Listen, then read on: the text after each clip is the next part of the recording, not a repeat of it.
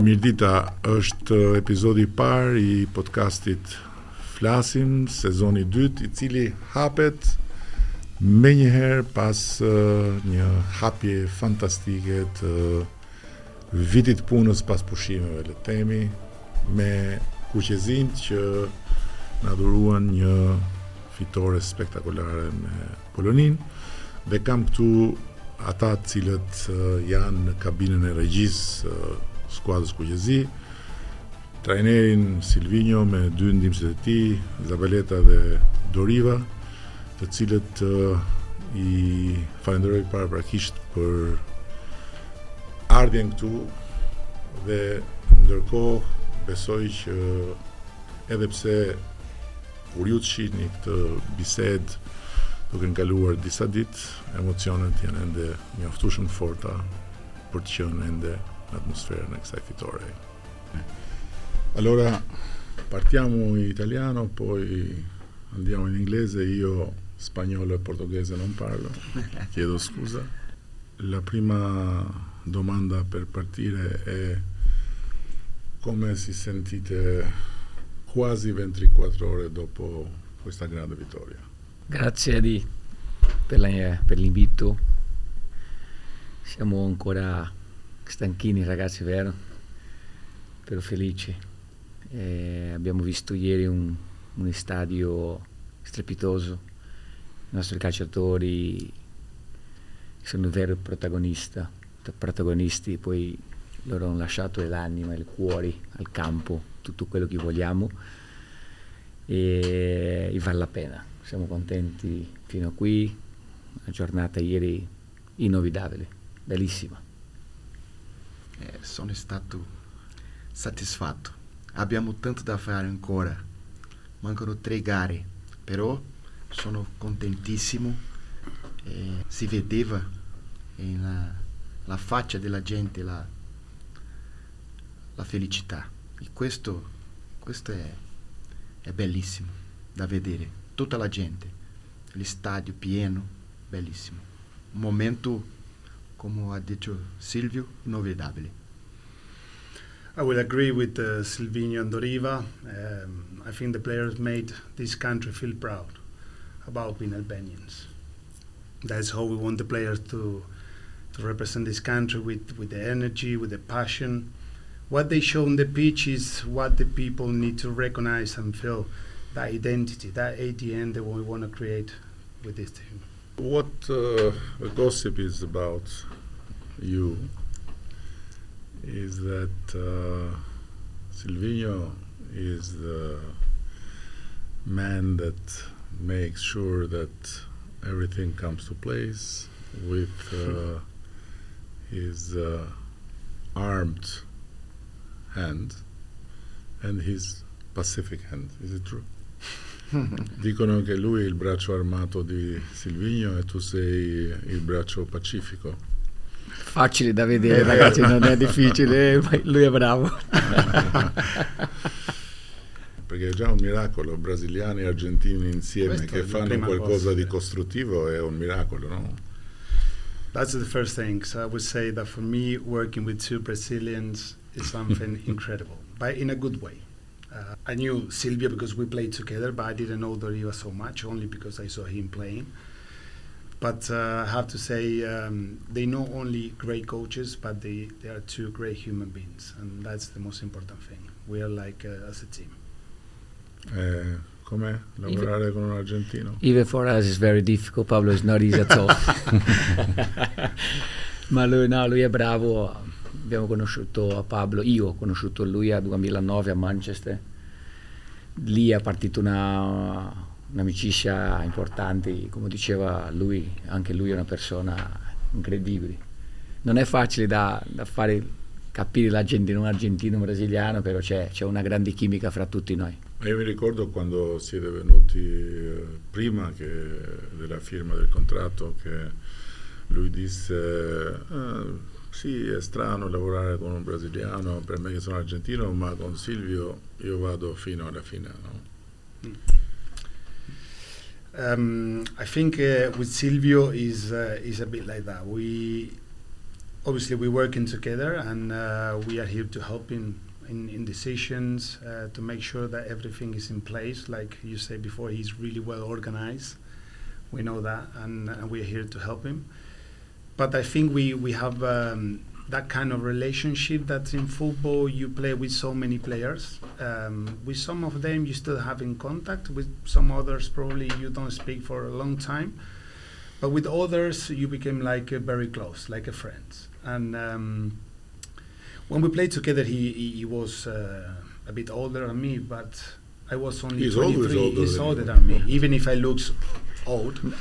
um, It's not true. He's, um, I was 23, and I wa- he he was a role model for me. He was someone that I wanted to learn from. Coming from Barcelona, with all his experience, he won absolutely everything as a player, Arsenal. And for me, I was 23, and I was. He was one of uh, the players for me to say, look, he's always the first in training, the last to go home. He was always in the gym. He was always on the pitch talking to the young players. And I think that's something that when you're young, you need to appreciate from the senior players. And that's why um, even you know we were in breakfast uh, all the time sharing ideas. I was asking him about Barcelona, even because I, I against him when I was at Espanyol of Barcelona, the derby in Catalonia. But um, that's why that's why we became very close. And now, uh, you know, when he asked me to be part of his coaching staff, uh, for me it was an easy decision. And for you?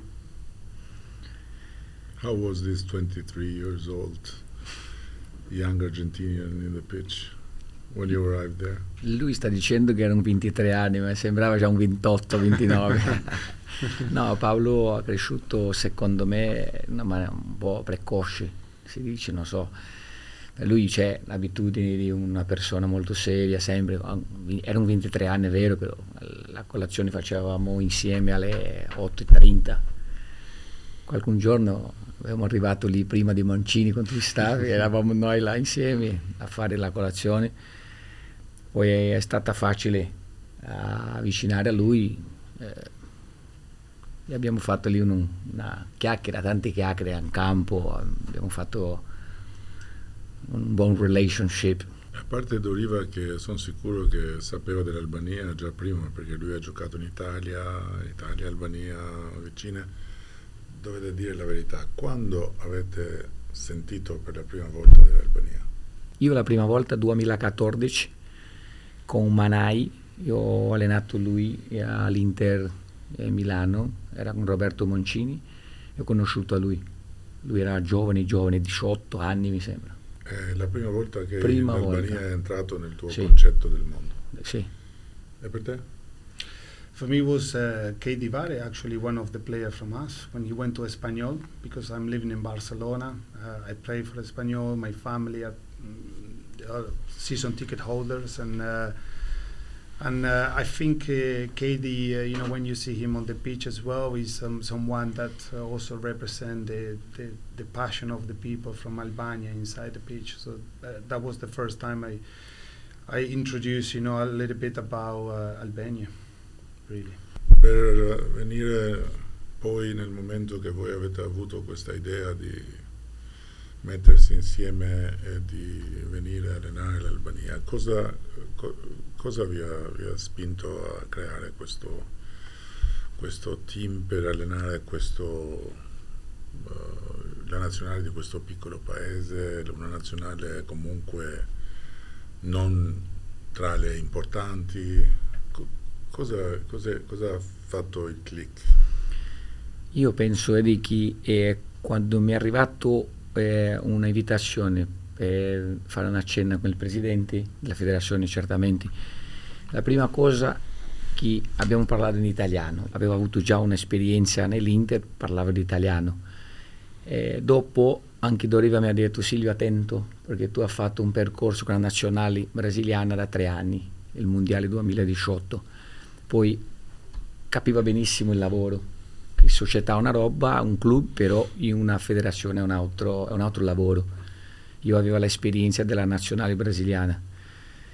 Dopo di quello lì ho iniziato un percorso indietro dei calciatori albanesi in giro, ho visto che loro parlavano inglese, spagnolo, italiano, poi la prima, io sono una persona comunicativa, io ho pensato, cioè, lì io posso comunicare con tutti i calciatori senza un interprete, anche in federazione con il presidente, poi lì mi ha spinto tanto la prima volta mi ha spinto tanto, dopo la cena, dopo di vedere la federazione, mi avvicinava un po' di più, veramente non aveva dubbio. Ho parlato con Doriva, Pablo ha accettato, per lui benissimo, è stata facile dopo di quello lì.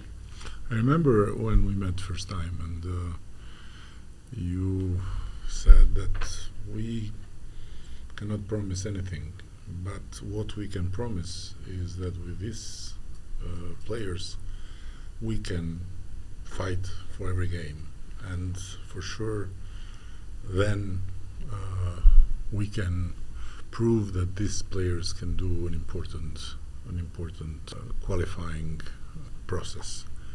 I remember that, and uh, now we are, for first time in history, at this moment of the qualifiers, heading the group. Three games further. Of course, football you never say is done until it's done, and uh, things can change and everything can. But uh, if you can share the feeling about all this now, what has been achieved and what is next. I think um, what I would say is um, when you look at our, our, team and just going back to, to the first meeting that we have all together in Albania, and, and even when Silvino rang me, I remember I was in Qatar, uh, and, and we look at the team and we thought we got great players to make something big. We can dream. Uh, we have a generation of players to achieve something important. And, now that's uh, four games already done. Uh, we are top of the group, like you say. We we were right. Um, we we can dream big.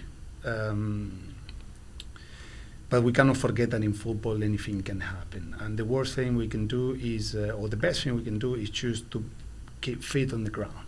I think that is really important for us. I know we know the expectation is big. Always in football, when the team is doing well, you know everyone is happy and, and, and they want the team to success, to bring success and all that. But for us that we've been in football for so long, uh, we know it's difficult. And uh, anything can happen. Moldavia beat Bologna. They were losing 2 0, then they won 3 2.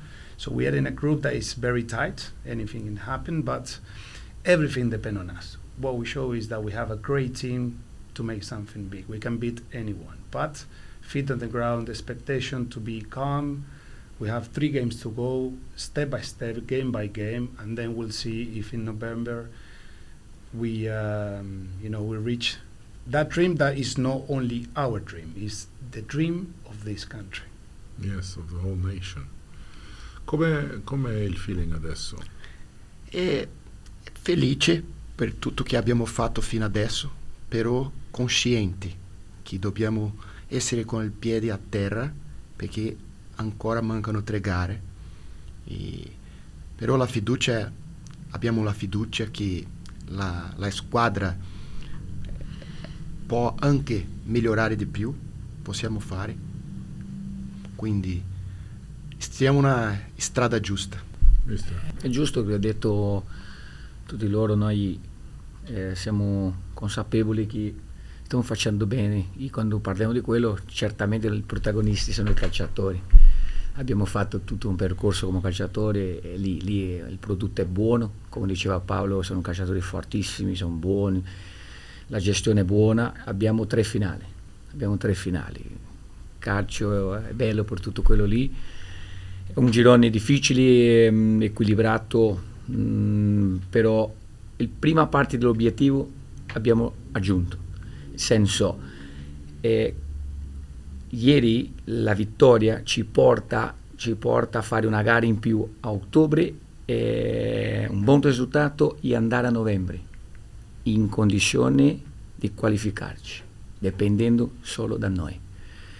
Quella prima parte, dopo novembre vediamo, però il, parte dell'obiettivo sì, fino adesso era quello lì. E poi eh, credo che avete un lavoro molto importante psicologico da fare perché la pressione sui ragazzi cresce, la expectation of everyone grows. E noi tutti speriamo molto che la vostra esperienza in campo, perché siete uh, tutti e tre campioni non sospetti nella vostra vita, avete avuto l'opportunità di giocare a livello più grande internazionale, ad avere la pressione sopra tutto il tempo e forse questo è un valore aggiunto per, per, per la nazionale adesso, che voi sapete come gestire i nervi diciamo in questa situazione o non è facile poi trasmettere questo ai ragazzi? No, non è facile e però sì, è giusto. Andiamo lì a lavorare con tutti loro e, mh, parti della gestione importanti. Noi non perdiamo il contatto con il calciatore in questo momento. Parliamo, facciamo visita, siamo lì, avviciniamo praticamente a tutti loro e, mh, e quando rientrano praticamente già sanno chi ci trovano da noi il senso del messaggio e quello, quello è un lavoro che si fa, si fa anche. È giusto che l'esperienza, io penso che abbiamo, abbiamo un'esperienza bella in vita. Come ex calciatori possiamo veramente passare a loro andare dall'altra parte lì eh, penso che si sta.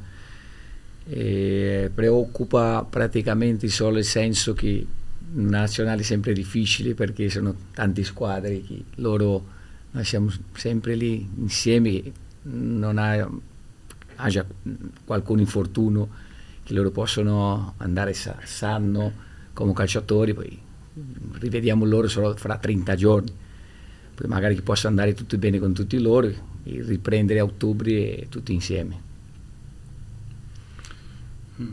Hopefully, hopefully uh, all of them will be, you know, in in good conditions. That's something that for us is quite hard because we every day, every single day, watching the games, and then on the weekend just praying for hmm. anyone to not to get injury and all that. But that's something we cannot control, of course. But um, of course, that when we when we see the players coming into Albania with a big smile, um, that they see that everything is in place, ready to go. That's how they. The, that's how you create the right mentality to to compete. There, there is no another way. We how, want to but. How you manage? Best. How you manage that out of this uh, huge, uh, huge desire to to make it?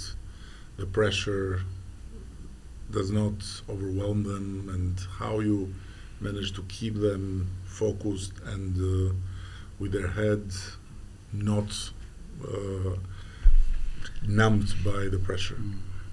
I think nothing will change uh, from what we have done from the first day.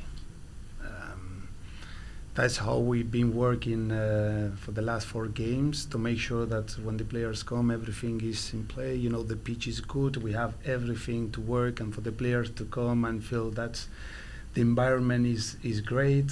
Uh, the hotel, the food, the, the, the bus from the hotel to to the training ground and, and, and because that's the only way to continue to grow by doing exactly the same thing. If we if, if something is wrong, it's because we know we're not quite right. Um, that's why we we are not only we are three here, but we have more people in the staff, more people in the federation, more people in the training ground. That's many days before the players come. We make sure that everything is is, is in place, and then, like I say, the players come and they see that we are all ready to go. And we have um, something that we always say, Niemini.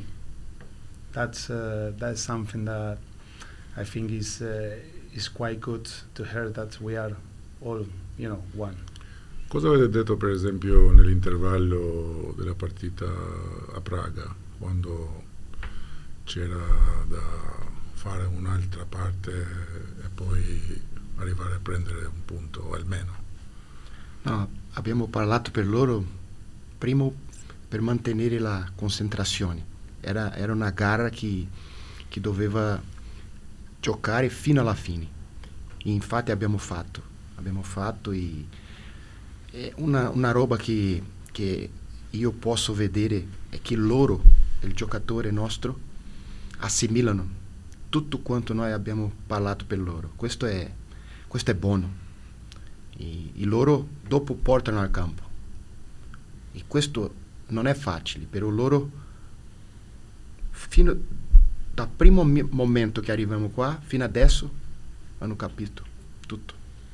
Bene, allora parliamo, parliamo un po' di qualcosa più importante che la nazionale, che il vostro lavoro, che perché dobbiamo dire le cose. Allora, so che siete un po' in una situazione non molto bilanciata democraticamente perché siete due brasiliani e un argentino, ma io devo affrontare questa questione. Allora, chi è meglio, Brasile o Argentina?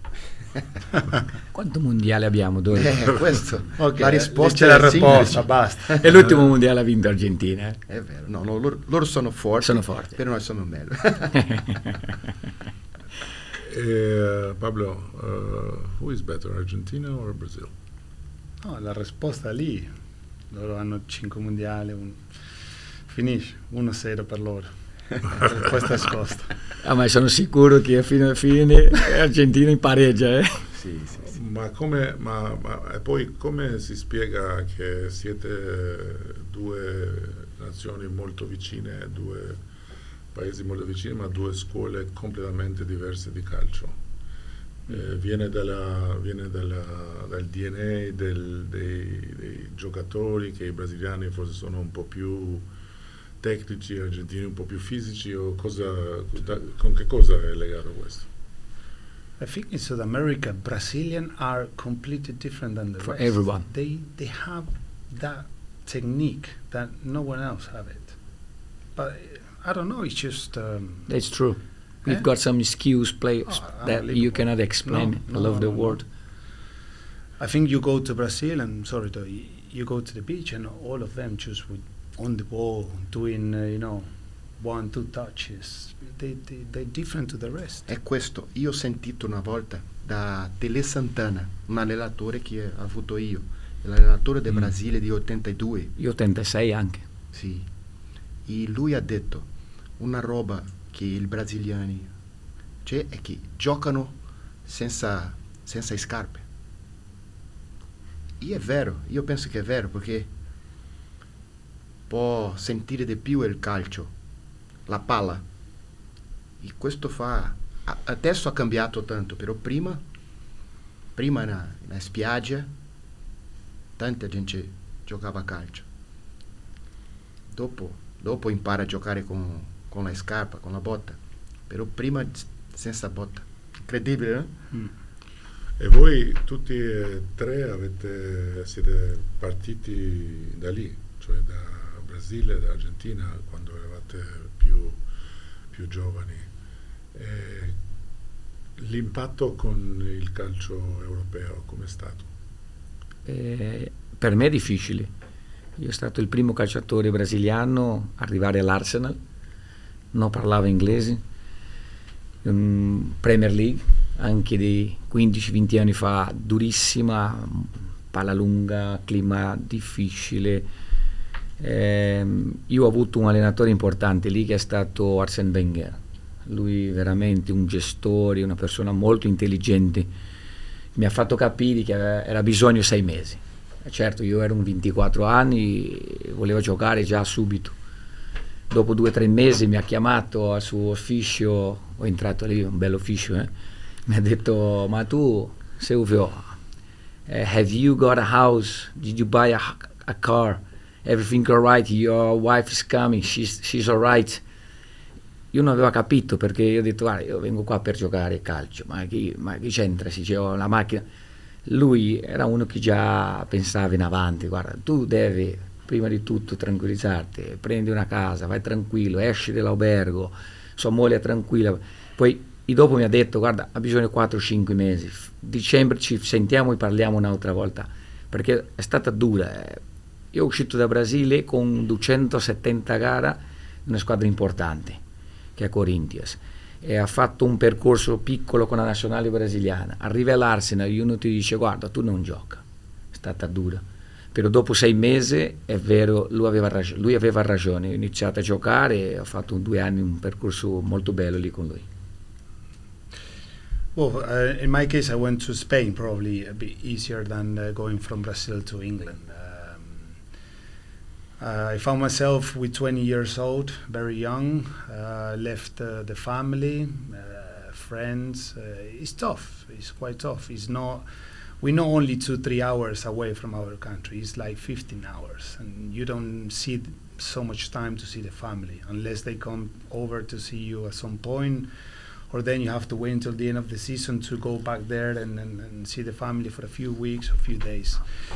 But this is um, this is always our dream. I think in South America we uh, we have great players. Um, Brazilian league, Argentinian league, they, they they are quite strong. But I think our dream is always to come to Europe and play in the strongest league and. and and then we have the, the opportunity to play for so many years to, to make our career here and, and some players they go back to to South America to settle back with the family to live there.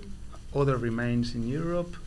In my case, I'm living in Barcelona, um, and it's something that makes you might be more mature. You know, it's uh, it's like that. It's something that's um, you've been waiting for so long, and then you have to perform. You have to be disciplined. It's so many values that you need. It's not people think. Um, footballer, is life, blah blah blah. But apart from the technique or the, the, the ability that you can have as a player, then so many things that you need. You know, off the field, you need to be disciplined, the perseverance, and you know, the effort. So many things that you, if you lose your head at the age of 20, 24, we all know that we are being young. Sometimes you want to enjoy life a little bit, but when you are at the top level, you cannot. There was only one if I remember well, that he was Argentinian who could afford to not care about anything but just get the ball and uh, enter the pitch. But this, uh, no, this is yeah. just an exception Absolutely. that uh, reinforced the the rule. Uh, Dori, I just uh, want to touch upon your incredible story with the wrong diagnosis that stopped you playing football and then you, real, you realized that you could play football, but you never came back to football, right? Sorry, I, I no, we, no, parlo della, di questo momento che hanno fatto una diagnosi per te che poi era risultata non giusta, no? Quando hai, hai, hai smesso sì, di calcio. Quando hai smesso. Ah, sì, sì, sì. E poi potevi ritornare, ma non sei ritornato. Sì, è vero, vero. Io quando venuto prima vorrei parlare quando è venuto in Europa io ho venuto a Portogallo quindi non sei stato tanto difficile per me perché io la stessa lingua mm-hmm. per me è stato facile dopo quando ha fatto un percorso in Europa è ritornato in Brasile ha stato questo problema del cuore e poteva uh, ritornare a giocare ma io ho fatto la scelta di, di fermare la, smettere di giocare perché aveva una paura che il mio papà sia stato morto troppo, te, troppo presto, no? 32 anni. E la mia mamma, la mia moglie, no, no, smette, smette. Ma dopo io ho rifatto tutto l'esame, sono posto, non c'è, problema. È stato un tempo difficile perché eh, in Brasile diciamo che un giocatore muore due volte. Quando ferma da giocare e dopo quando c'è la morte vera. E, e, non è facile. In questo caso... La prima abbiamo fatto, eh? sì, ma in questo ma senso per lì. me è stato... Sì, sì. Manca la seconda. È stato troppo difficile perché eh, se c'è un problema e non può andare avanti, è meglio fermare. No? Io ho fatto questa scelta e va bene, bene, sono contento. De, dopo, quando ha finito, già cominciato a lavorare con, come allenatore, quindi già trovato un'altra strada.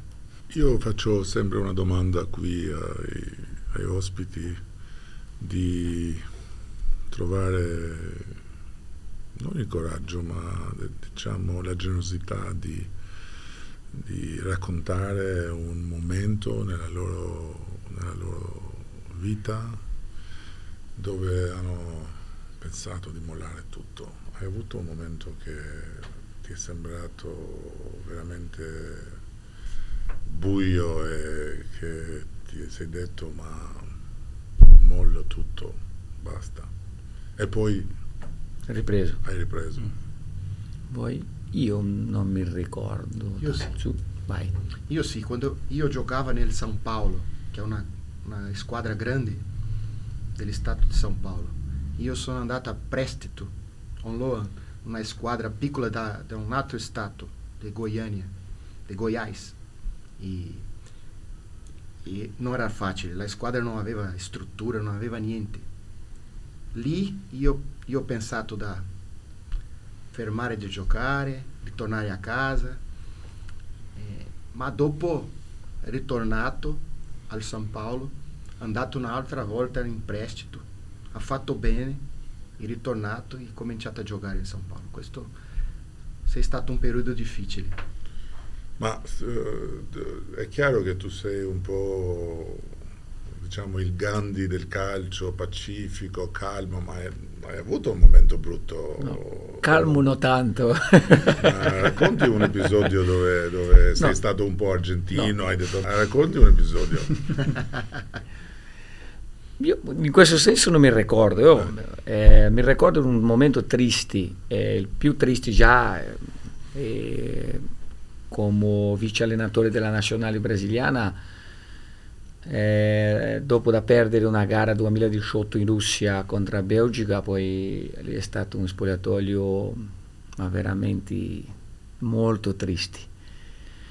La prima volta che ho capito che un allenatore porta una nazionale in spalle non è facile, dopo devi rispondere, la gente ti aspetta no? di andare in finale, vincere, certamente io non ero allenatore, però ho visto un, un clima ma veramente molto triste. Eh, anche come calciatore ho perso una, una finale di Europa League 99 contro il Galatasaray, io giocavo per l'Arsenal e tante altre roba che succede, che tu perdi una, una classific- una- un campionato.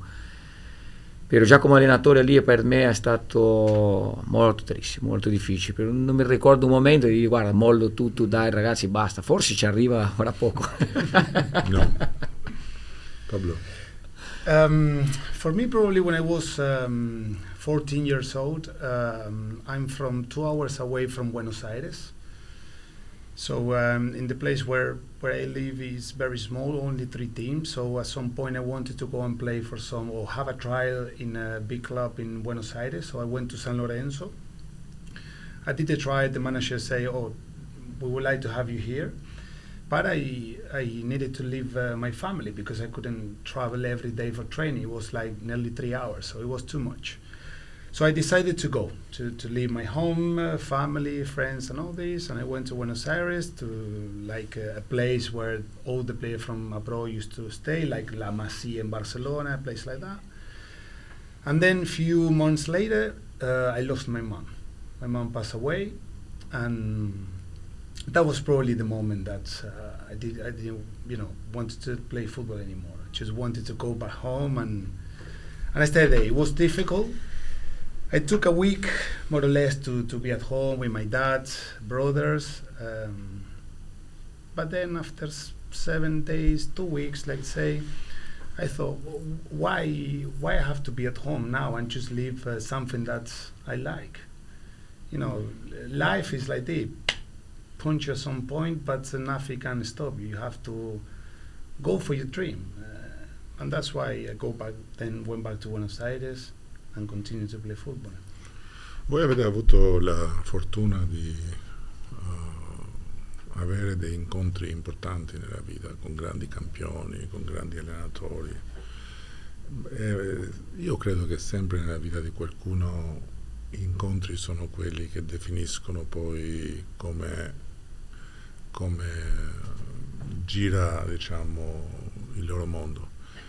Uh, chi è stato diciamo, il personaggio, quali sono stati i personaggi più, più influenti nella vostra vita, sia da calciatori sia da allenatori, cioè uno che voi uh, pensate, oh, quello lì mi ha aiutato a capire questo, quell'altro mi ha aiutato a capire quest- questo, quello lì mi ha portato su in un momento importante. Chi sono, i, chi sono quelli che hanno influito di più in quello che voi siete stati e siete oggi nel mondo del calcio?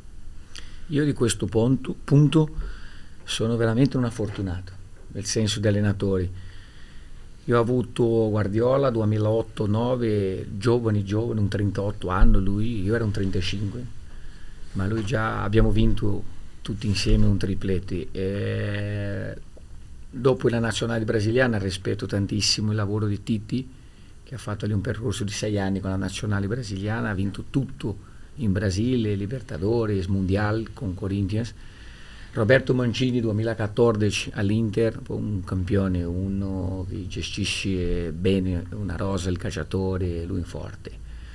E Arsene Wenger, come l'hai detto, è un signore, c'è una linea importante lì. Poi dal punto di vista di allenatori ho avuto gente importante che ho preso qualcosa da loro. Certo, dopo sviluppiamo noi stessi perché noi dobbiamo esserci così però ho avuto, ho avuto molta fortuna di, di, imparare di questa gente. Eh, e anche Roberto, Titi e Guardiola, io era già eh, un po' grande, poi lì secondo me assorbe di più. E, e, i calciatori che ti hanno influito di più, quelli che quando ero più giovane erano forse eh, nella stessa squadra, ma più già firmati, importanti, chi sono stati? A Brasile in quel momento lì Ehm, ulala, era una squadra un po' discreta, nel senso era 95.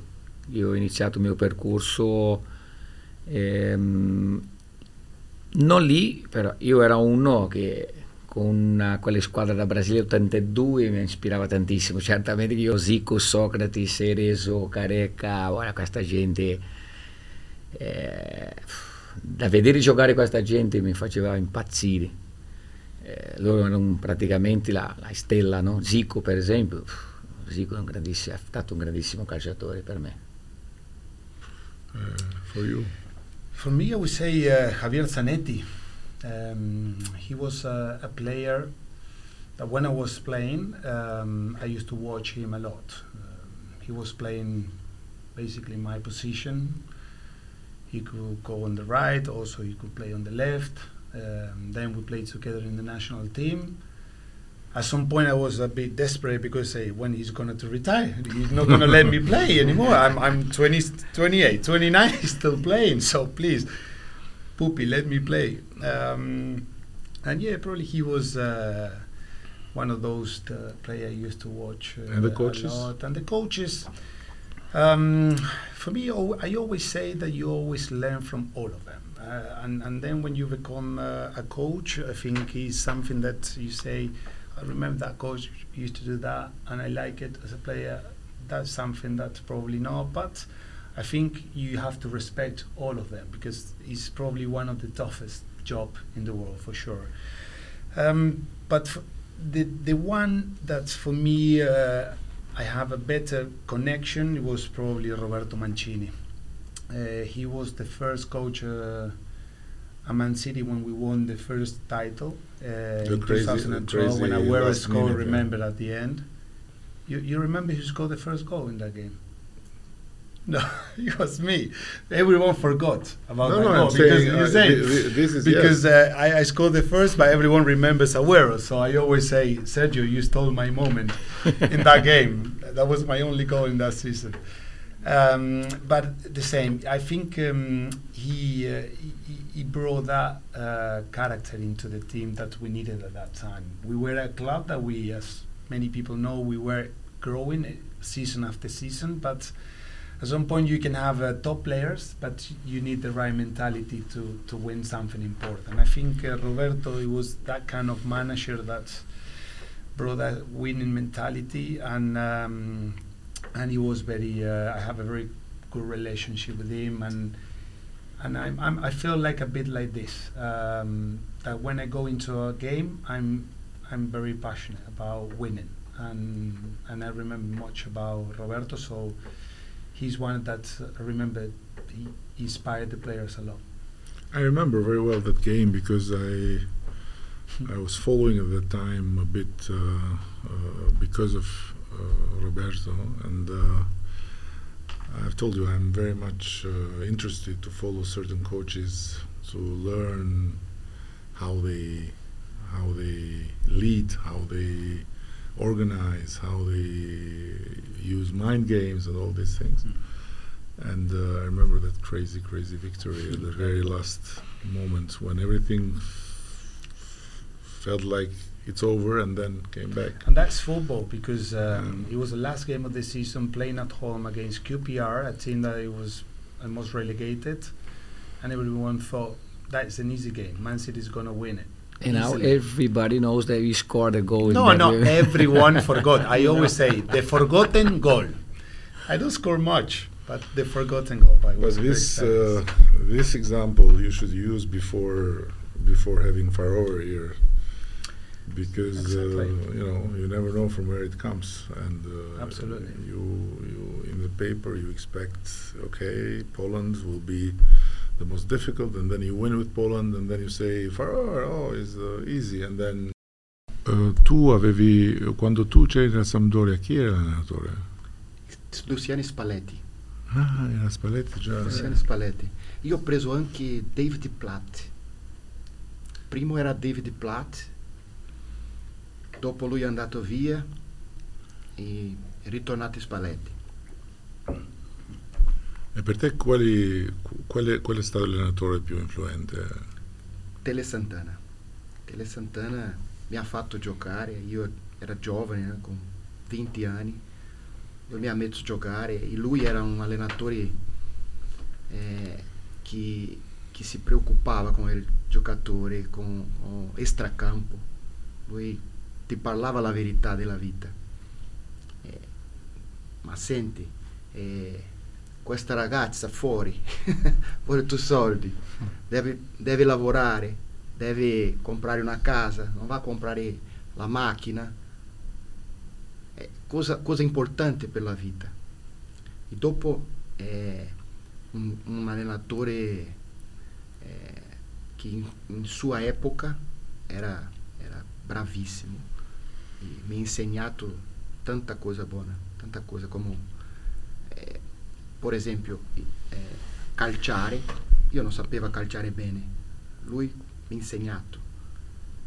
È incredibile che tutta la parte che io sono andato, eh, una delle principali caratteristiche era calciare. Anche oggi, Dori, arriviamo al centro sportivo, è bellissimo da vedere lui calciare, vedi? ma veramente è un gesto tecnico ma bellissimo. Io penso che lui ha fatto ma 10.000 volte in vita. È vero, vero. È bellissimo. E Pelé diceva, la tua gamba deve imitare un tacco di golf. Devi prendere la palla così, qua, per la palla girare così. E così tu, tu puoi direzionare la palla.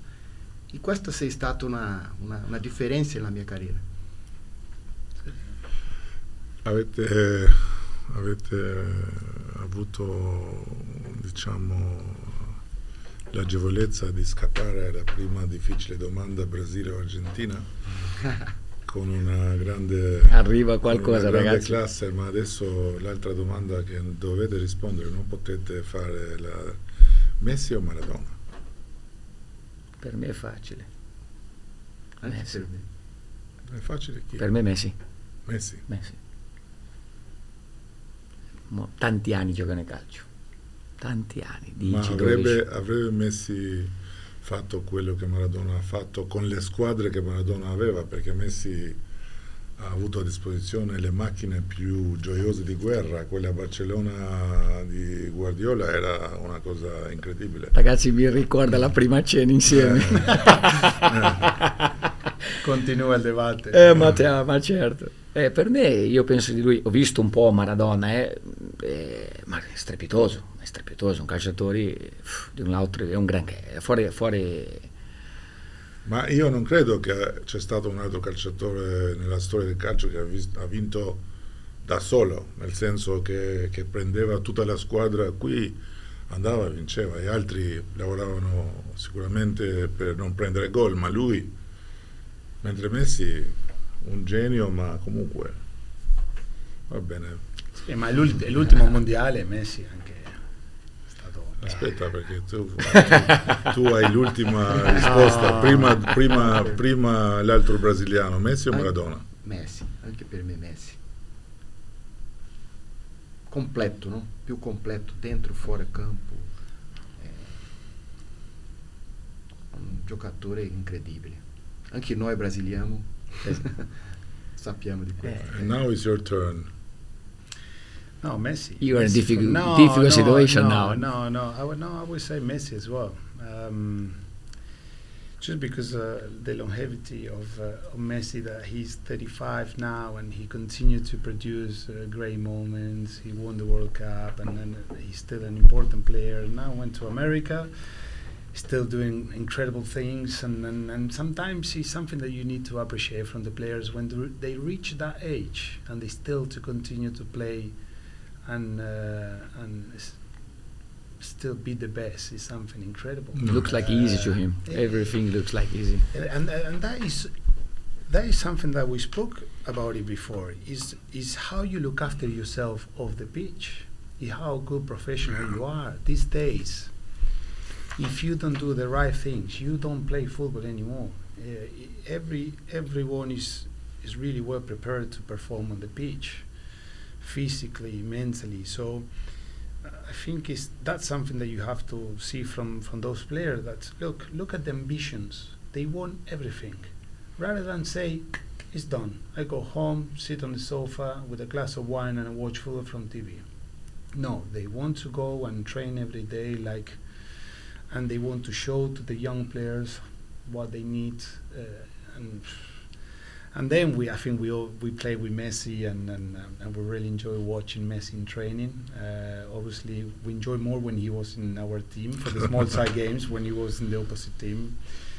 Finished, but um, yeah, that's that. I think everyone loves Messi because um, he he continues to play. Was he was he also in the training very dedicated or less? He, in training, he's not one of those players that uh, will go 100% because he likes to uh, save some energy. Um, obviously, he's still really good. Like I say, if you do like a competition and, and you have Messi in, in your team, you got 99, 99% to win uh, the competition in training because he makes a difference.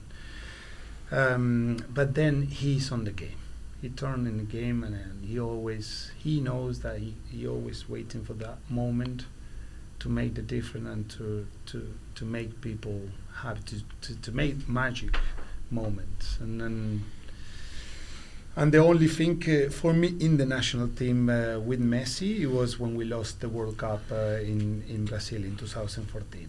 Um, that was a shame because I was there and it was very tough.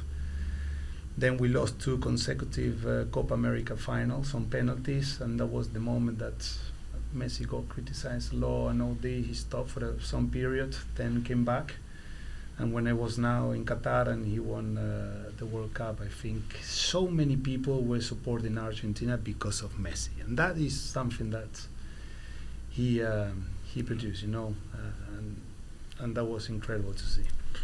Okay, I don't have proof, but I still believe. I still believe that uh, in Qatar, also Diego's hand from above helped Argentina in a way. It was like the spirit around, you know. It's uh, everything came together, and uh, Nah, for listen for Argentinians, this is uh, something that we always talk about who was better, Messi and Maradona. But something I think Argentina we should be proud of is, you know, having two of the greatest Yeah. player of all time.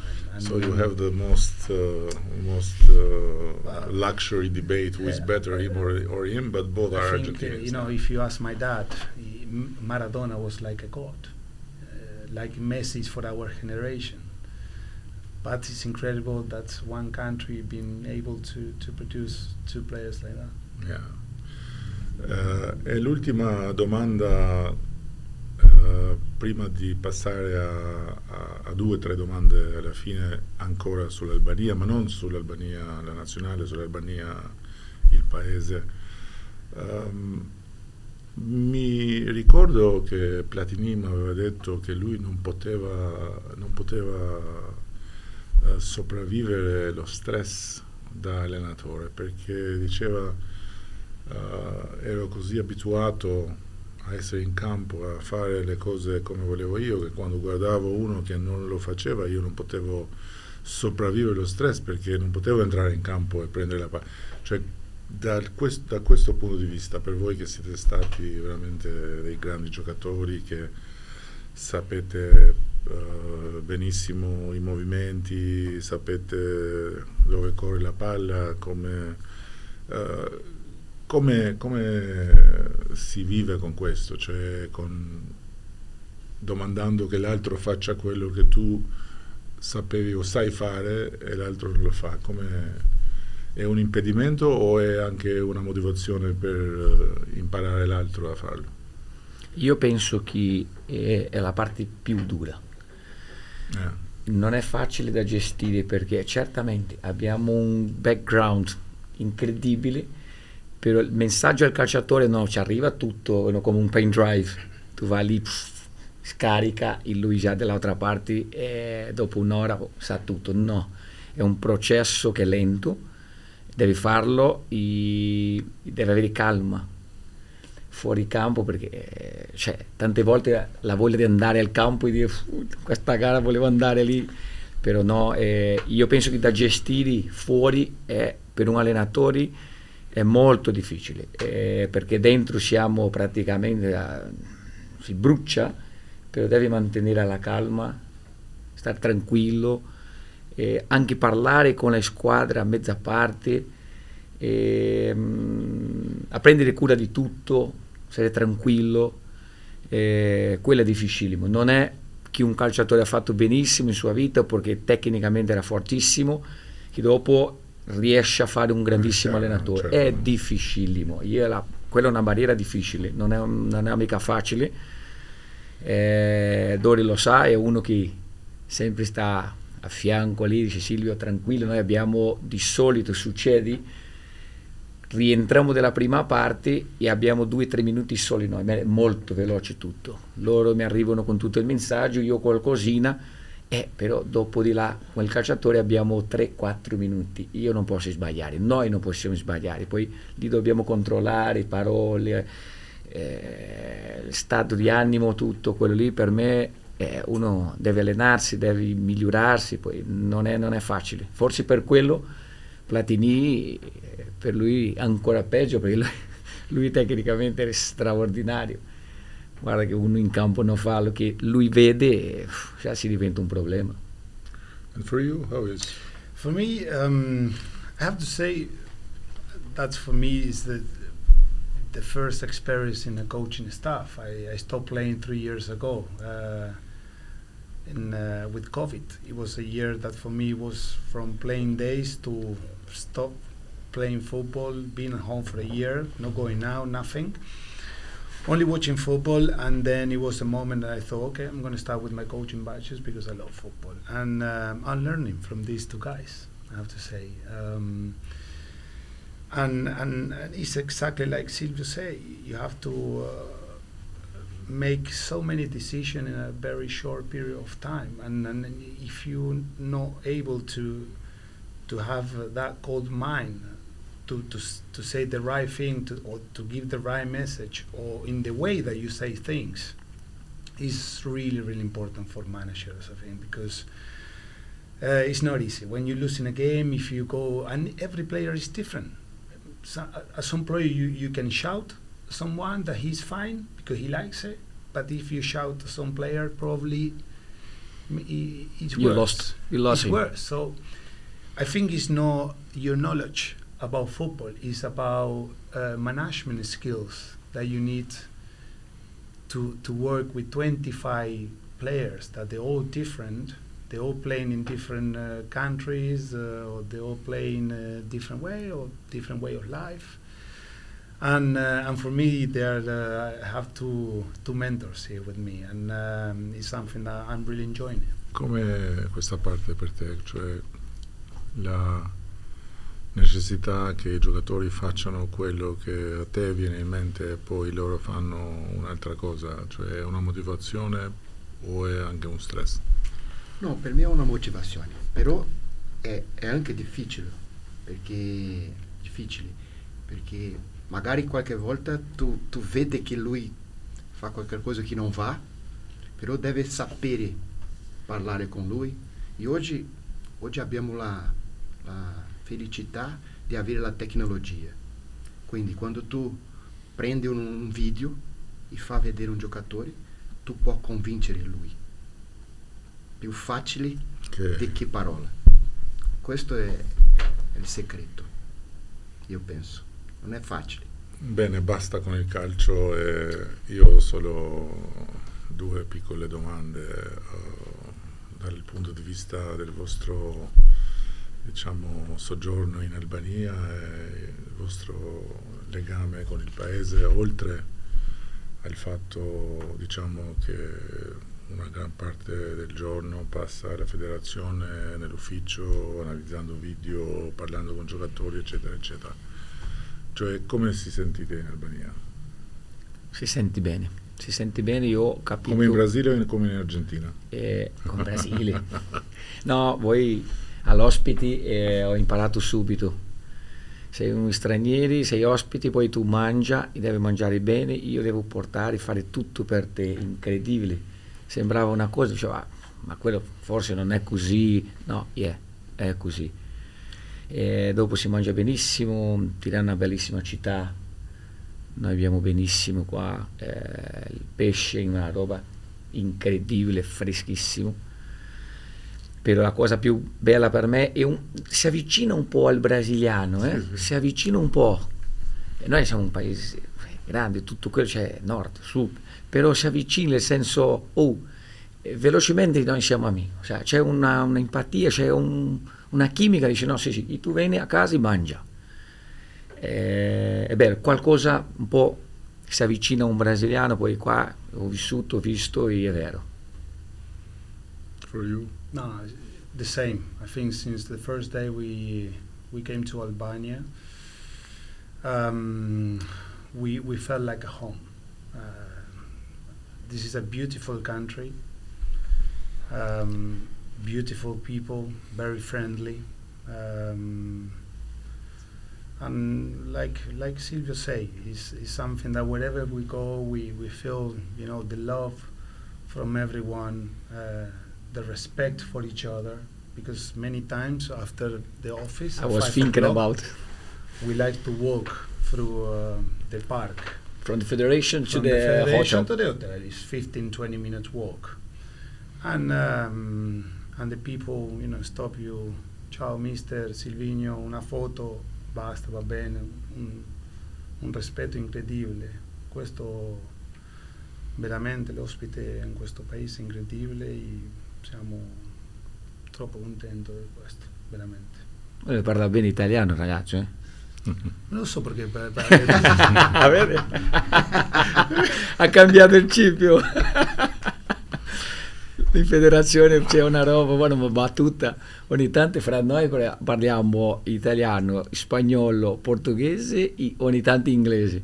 Poi lì si Eh. diventa tutti matti. Eh, ma eh, la cosa più, più bella, diciamo, di tutto questo è sentire, perché noi abbiamo avuto, eh, con tutto il rispetto per carità, ma abbiamo avuto mh, allenatori di varie nazioni, ma che un giorno arrivavano brasiliani e argentini che non solo portano il bagaglio tecnico, tattico, ma anche quella disciplina che io sento da tutti, cioè che arrivino all'ufficio e che lavorino lì dalla mattina alla sera e il presidente mi diceva ma siamo anche imbarazzati perché delle volte diciamo ma cosa stiamo a fare qui, mandiamo a casa, no? Ma dobbiamo almeno che loro finiscano il lavoro, questo è un miracolo ragazzi, veramente un miracolo. E,